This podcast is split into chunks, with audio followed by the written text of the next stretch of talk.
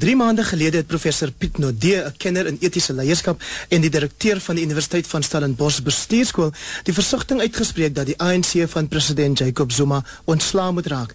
Ons praat nou met professor Nodee na aanleiding van die besluit van die ANC se nasionale uitvoerende komitee om nie gehoor te gee aan oproepe vanuit selfs eie geleedere om die president te pos nie. Goeiemôre professor.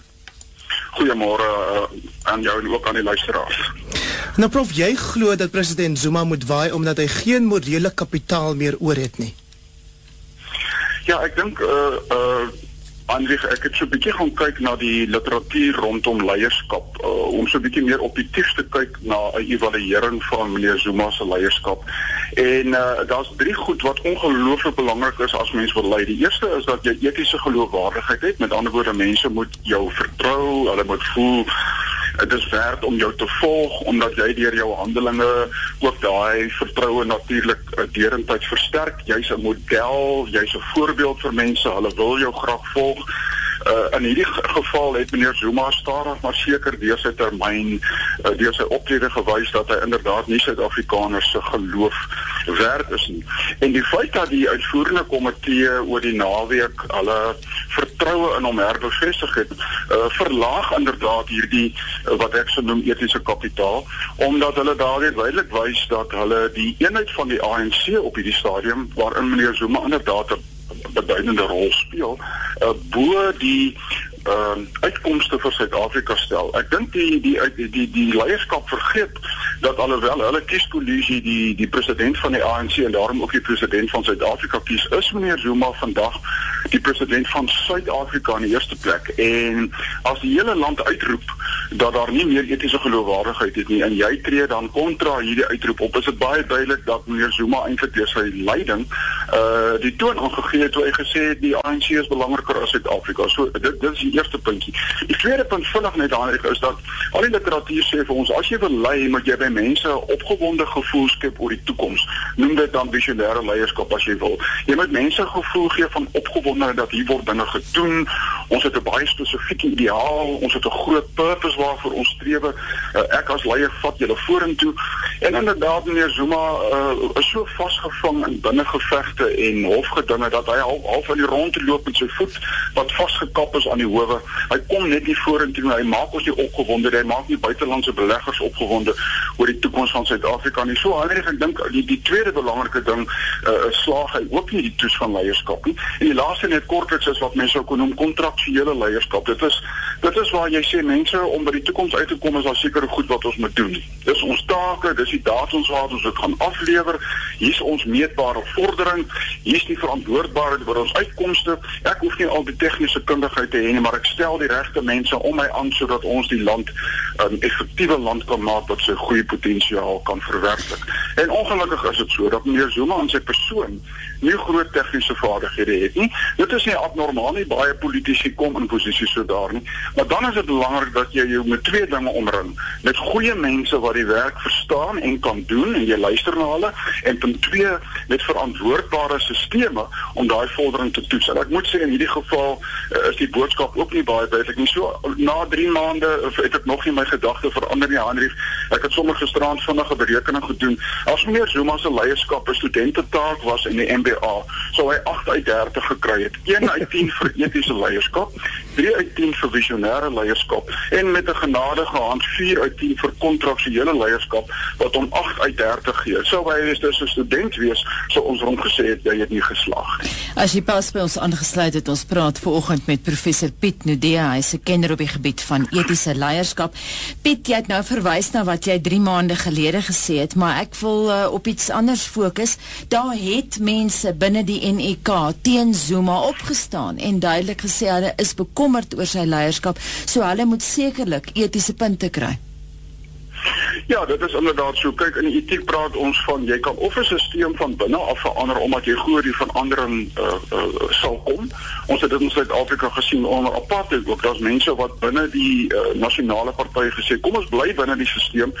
Uh, kom ons hef ons stemme op en ons probeer die stelsel van binne verander. En dan is daar mense wat sê die stelsel het homself so uh eties onverwoordbaar uh, bewys dat om binne te bly is op sigself al 'n verkeerde etiese keuse en moet 'n mens liewer uitstap en dan van buite af beweeg verander. Anita, dit is baie moeilik om op 'n spesifieke punt te sê jy moet binne bly of buite bly. Die feit dat mense inderdaad nou vir die eerste keer minste openlik ehm um, die die die die die gevoel van onwaardigheid rondom meneer Zuma van binne die ANC uh, uh, na vore bring is 'n baie baie goeie teken. Die vraag wat mense vir daardie mense moet vra, wat gaan jy doen as jy na rukkie sien dat dit geen effek nie soos nou al klaar blyk? En tweedens glo jy werklik dat die leierskap van meneer Zuma nie reeds so diep die ANC geïnfiltreer het dat die stelsel op sigself waarskynlik nie veranderbaar is nie.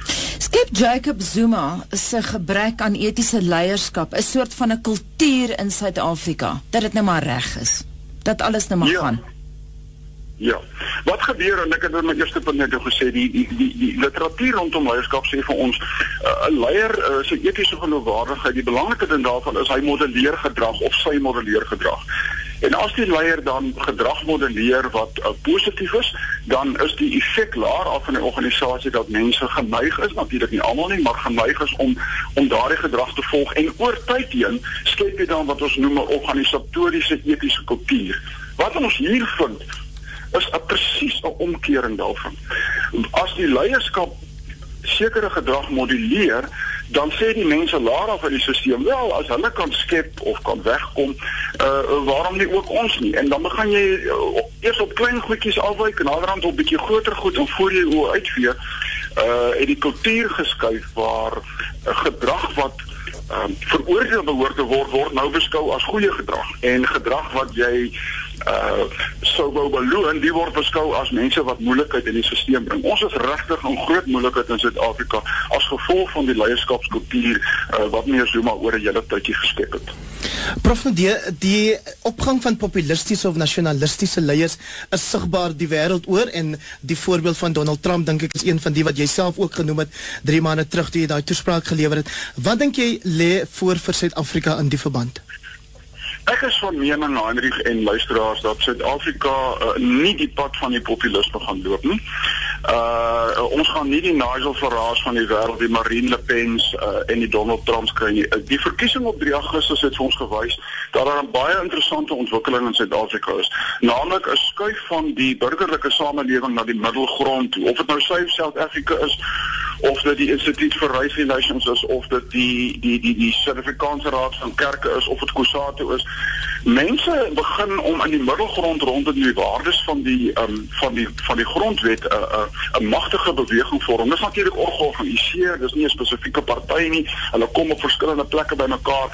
Maar uh, as mens kyk na meneer Malema as die moontlike voorbeeld van 'n leier wat geneig is om om sy um, uh, uh, steun op populistiese grond te verwerf wegwerf.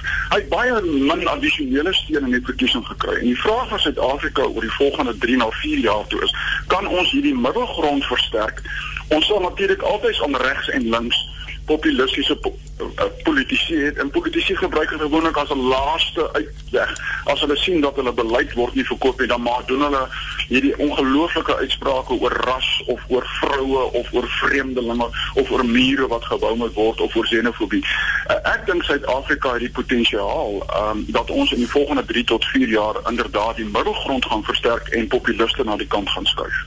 Wat staan die publiek te doen?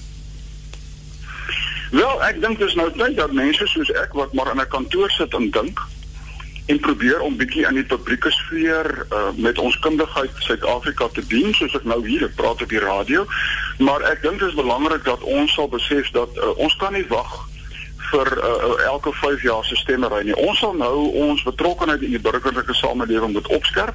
Ons sal moet die druk op die regering verskerp. Dit sal nie vanuit die parlement kom nie, uh, sodat ons die situasie kan verander. Ons is nie magteloos nie. Ons het nie nou die tyd nie, maar ek kan vir 'n hele aantal voorbeelde in ons eie geskiedenis na 94 noem waar 'n klein groepie in die burgerlike samelewing 'n uh, spesifieke saak of dit nou uh, antiretrovirale middels vir uh, HIV positiewe mense is en of dit die wapenskandaal is wat 'n saak geneem het, geweier het om op te gee en dood eenvoudig die saak gedryf het tot by die punt dat daar 'n oplossing kom. Ons sal um, as gewone burgers van die land in die omgewings waar ons elkeen werk en woon, uh, sal ons nou aktivisties moet begin raak. As dit nodig is, sal ons moet loop in die pad met 'n plakkaat dalk uh, sodat die televisiekameras ons ook kan afneem. Dis nie miskien ons almal se styl nie, maar uh, ons is op inderdaad in 'n leierskapskrisis.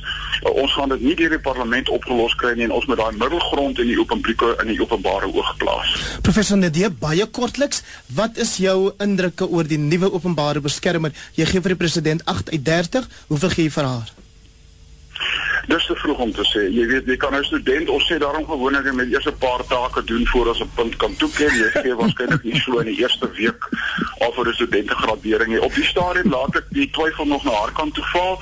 Ek dink ons moet haar 'n billike kans gee om haar ware kleure te wys. Uh jy kan my weer oor 3 maande bel en praat ons dalk weer. Nou maar baie dankie. Dit was professor Piet Nadee. Hy is 'n kenner in etiese leierskap en ook die direkteur van die Universiteit van Stellenbosch Bestuurskool.